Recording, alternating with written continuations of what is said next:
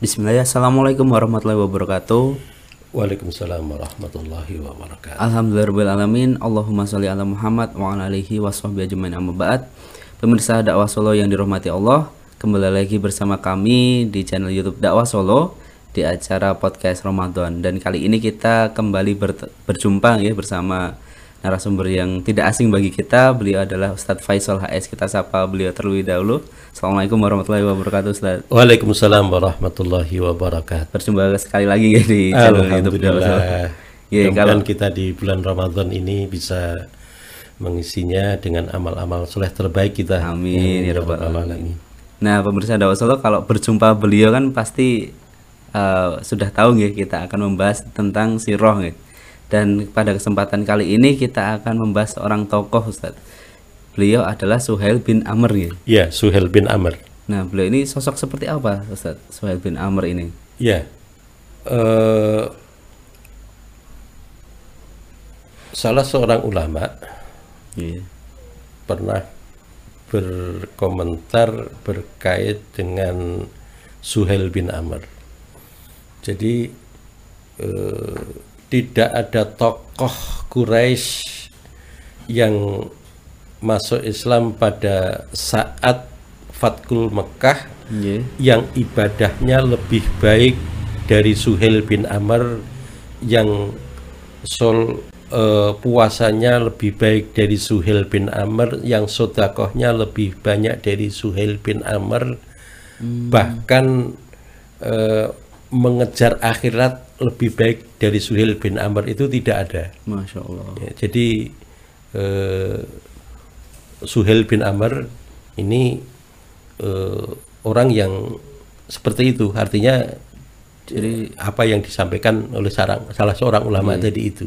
Jadi di antara orang-orang yang masuk Islam setelah Fathul Makkah itu eh, menurut ulama tersebut eh, Suhail bin Amr ini yang terbaik ya.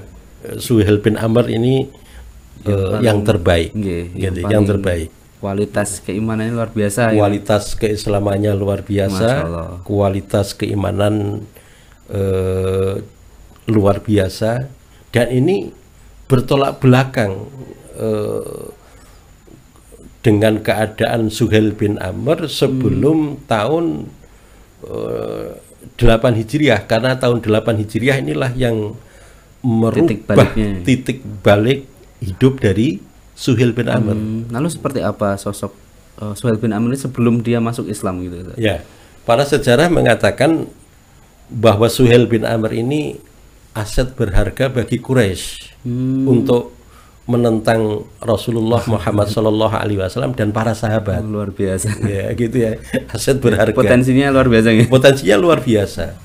Nah, potensi yang dimiliki oleh Suhel bin Amr ini jarang dimiliki oleh eh, tokoh-tokoh Quraisy pada saat itu. Hmm, Tokoh-tokoh Quraisy. Dia ahli sastra. Ya. Coba eh, bisa dibayangkan orang eh, karena keahlian di dalam sastra ini itu mendapatkan kedu- kedudukan yang tinggi di Iya. tengah-tengah masyarakat gitu ya disegani gitu. disegani disegani gitu kan bahasanya fasih Hmm, Ba- bahasanya fasih terus kemudian dia seorang orator yang ulung. Iya. gitu kan. Jadi kedatangan Suhel bin Amr di tengah-tengah masyarakat ini eh, sering ditunggu-tunggu oleh masyarakat. Hmm, karena apa? Karena kalimat-kalimat yang keluar dari lisannya ini bisa mengaduk-aduk perasaan. Gitu kan. Bisa mengaduk-aduk perasaan. Perasaan siapa perasaan orang-orang Quraisy kebencian mereka kepada Rasulullah kepada para sahabat gitu dengan tutur kata yang fasih yang benar eh, ya terus ungkapan-ungkapan pilihan kalimat nya juga pas gitu Mengena ya, ini. mengena gitu ini eh, benar-benar bisa menghipnotis mensihir gitu. Hmm. luar biasa. Mensihir. tapi ya ini tadi ke- kelebihan yang dia miliki ini eh, dia salurkan untuk me, me- ini jadi memprovokasi Hmm. ya kan menghalang-halangi me- apa mempenga untuk mempengaruhi orang-orang agar membenci Islam, membenci Rasul dan membenci para para sahabat. Jadi seperti itu. Iya. Nah, bahkan juga disebutkan dia mempunyai anak namanya Abu Jandal, bukan Abu Jandal loh ya. Gitu ya. Bukan Abu Janda ini. Abu Jandal. Abu Jandal. Iya, Abu Jandal. Dan putranya ini masuk Islam secara sembunyi-sembunyi Iya. gitu kan secara sembunyi-sembunyi ketika tahu kalau anaknya masuk Islam ternyata apa yang dilakukan oleh eh, Suhail. Suhail bin Amr anaknya tadi dirantai dengan eh, rantai terus kemudian dikurung di rumah Hmm. dikurung di rumah ini seperti itu nah terus yang eh, peristiwa lain yang ada pada eh, Suhail bin Amr pada tahun 6 Hijriah karena tahun 6 Hijriah ini ada peristiwa eh, perjanjian Hudaybiyah Iya. Suhail bin Amr diangkat oleh orang-orang Quraisy yang eh, sebagai wakil dari orang-orang Quraisy me- melakukan diplomasi perindung, per- perundingan dengan kanjeng Nabi Muhammad Sallallahu Alaihi Wasallam sehingga ada namanya perjanjian Hudaybiyah. Hudaybiyah. Itu dari pihak Quraisy yang mewakili adalah Suhel Suhel bin Amr. Jadi seperti itu. Jadi luar biasa ya. Berarti Suhail bin Amr ini bukan orang biasa ini. Ya, di- bukan orang biasa gitu kan. Jadi kalau orang biasa tentu pengaruh apa pengaruh eh, gerak mereka di dalam melakukan penghasutan orang-orang Quraisy itu tidak memiliki pengaruh yang signifikan Iya. kan gitu kan nih. Dia memiliki kelebihan itu. Jadi Iya. pengaruhnya itu signifikan gitu, signifikan eh, untuk memproka- memprovokasi eh, orang-orang Quraisy gitu ya. Iya. Orang-orang Quraisy. Jadi dalam penentangannya terhadap Islam itu bukan orang yang ikut-ikutan saja ya, tetapi justru orang yang apa ya, dedengkotnya gitu. Ya dengkotnya, iya. Jadi eh pada tahun 2 Hijriah Iya. kita flashback lagi ya. Iya. Karena tahun 2 Hijriah terjadi peristiwa Badar. Oh, iya, Eh, Bro. Suhail bin Amr ini salah satu tokoh Quraisy yang berhasil ditawan oleh Hmm. pasukan kaum muslimin. Jadi beliau terlibat perang Badar juga gitu. Iya, beliau terlibat eh, perang Badar tetapi di dalam eh, pasukan Quraisy. Pasukan Quraisy. gitu kan, di pasukan Quraisy. Ya, dia termasuk salah satu tokoh Quraisy yang berhasil ditawan oleh kaum muslimin. Umat Islam, iya. Tapi kenapa bi- dia bisa lepas? Ya, karena eh, dia memberikan apa ya, memberikan sema- eh, dengan eh, uang mereka kan gitu kan untuk menebus diri diri mereka, Hmm. Iya. diri mereka. Nah, pada saat itu kita bisa melihat eh, seperti apa kebencian Sitina Umar Ibnul Khattab. ya. Jadi Sitina Umar Ibnul Khattab ini itu pernah mendekati kancing Nabi, Dakni ya Rasulullah, gitu ya. Wahai Rasul, biarkan aku untuk merontokkan gigi-giginya itu kan gitu kan. Saking emosinya. Ya, saking emosinya gitu ya. Nah, tujuannya apa? Tujuannya kalau gigi-giginya rontok itu sudah pasti nanti kalau orasi kalau ngomong itu sudah tidak fasih lagi kan gitu kan tidak fasih lagi gitu. agar apa agar dia tidak lagi berorasi yang senantiasa selalu melakukan provokasi gitu kan provokasi Bencian terhadap Rasul dan ajarannya. kepada gitu. Rasul. Tapi Rasul dakhu ya Umar. Biarkan dia wahai Umar. Biarkan dia wahai Umar. Jadi eh, sayaku maqaman tahmaduhu.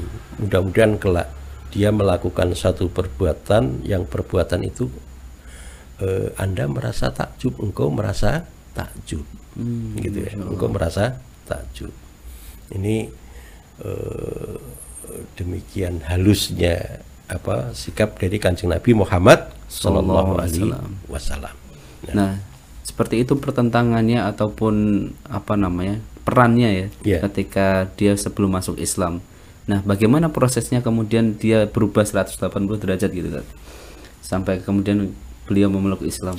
Ya, pada tahun 8 Hijriah terjadi Fathul Mekah. Nggih.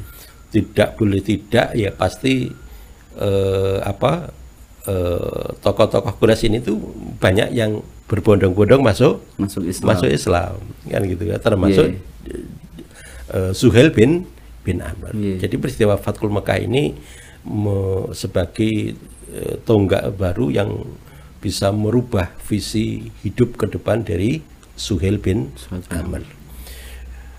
Pada tahun 10 Hijriah masuk ini ya ketika Kanjeng Nabi Rafiul A'la ya, Iya. Rafiul A'la jadi menghadap Allah Subhanahu wa taala.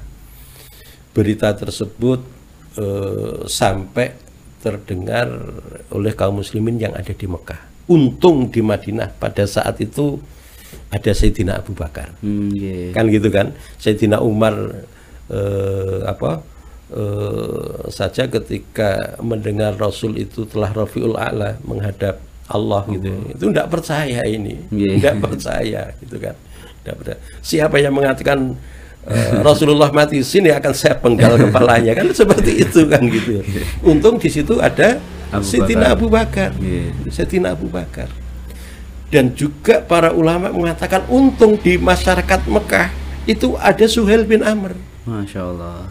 Gitu kan. Iya. ada Suhail bin Amr. Nah jadi banyak orang yang goyah itu. Goyah. Ya bisa jadi ya kita menyadari lah karena kecintaan apa kecintaan kaum muslimin kepada kanjeng Nabi Muhammad Sallallahu Alaihi Wasallam. Nah pada saat itu eh, Suhail bin Amr eh, singkat cerita mengumpulkan orang-orang Mekah di pelataran Ka'bah Nggih. gitu. Nah, setelah terkumpul apa yang diucapkan oleh Suhail bin Amr? Jadi Suhail bin Amr mengatakan gini, "Ya ahlal Makkah la takun akhira man aslama." Gitu. Wahai orang-orang Mekah, bukankah kalian ini masuk Islam gitu ya? Nggih. Eh, yaitu di eh, waktu akhir-akhir. Gitu kan? Iya. Di waktu akhir Iya. akhir gitu ya. Setelah Fathul Makkah itu. Ya, kabilah yang lain sudah masuk Islam jauh-jauh hari, ya, kalian telat. ya, telat, kan gitu kan? Iya. Kalian baru masuk Islam, Baru masuk. ya atau kita Anak baru. baru. masuk Islam ini di tahun 8 Hijriah. Hijriah. Padahal Rasul mangkat tahun 10, 10 Hijriah. Hijriah, berarti dua tahun gitu. Iya. Kalian masuk Islam itu baru Dua dua tahun. tahun gitu. Kal ya, jadi kalian masuk Islam itu adalah angkatan yang terakhir, gitu kan? Angkatan yang yang terakhir. Terus kemudian ya apa yang dilakukan lagi? Hal awwala manir tata. Apakah kalian ingin menjadi orang yang pertama yang keluar dari Islam? Masya Allah. Luar Begitu. biasa yang pilihan katanya. Nah, pilihan kata, apakah kalian ingin menjadi orang yang pertama keluar dari Islam? Wes mlebu Islam paling akhir, pengen keluar metu ke Islam orang yang Pertama. yang pertama. Man ya'budu Muhammadan qad mata. Ketahuilah kalau kalian masuk Islam itu karena ingin menyembah Rasulullah Muhammad Shallallahu alaihi wasallam, ketahuilah Rasul itu telah bertemu dengan Tuhannya Hmm. wa may ya'budullaha gitu kan namun kalau kalian itu masuk Islam ingin menyembah Allah Subhanahu wa taala fa innallaha hayyun la yamut maka ketahuilah bahwa Allah itu adalah zat yang hidup dan tidak pernah mati baru dengan orasi yang seperti ini itu masyarakat Arab itu sadar kan gitu Iya. kan masyarakat Luar biasa. Arab itu sadar bahwa Rasul itu adalah ya eh, sebagai makhluk ya seperti halnya eh, masa eh, seperti hanya orang yang lain Iya. artinya eh, mempunyai ajal ketika ajalnya itu sudah datang, pun juga akan menemui Allah Subhanahu Wa ta'ala. wa taala gitu. Jadi jadi seperti itu. Nah, walhasil apa?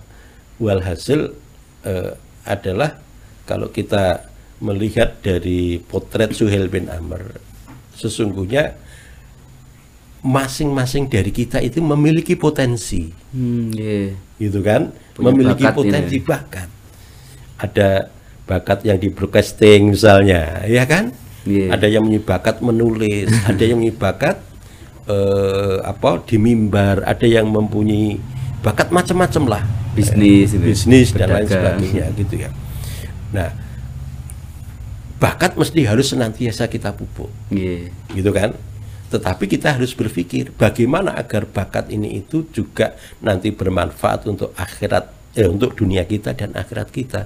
Mari bakat ini kita persembahkan.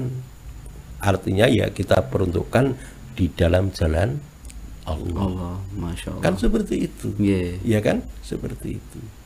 Ya, insya Allah lah ketika kelebihan ke kelebihan ataupun eh, Allah mengkaruniakan potensi-potensi yang lebih pada diri kita. Kita kan bisa oh potensi lebih kita itu apa di apa di apa kan bisa kita ya nah senantiasa kita pupuk kita ini terus kemudian kita peruntukkan di dalam Islam. Luar biasa ini. Hmm. gitu kan?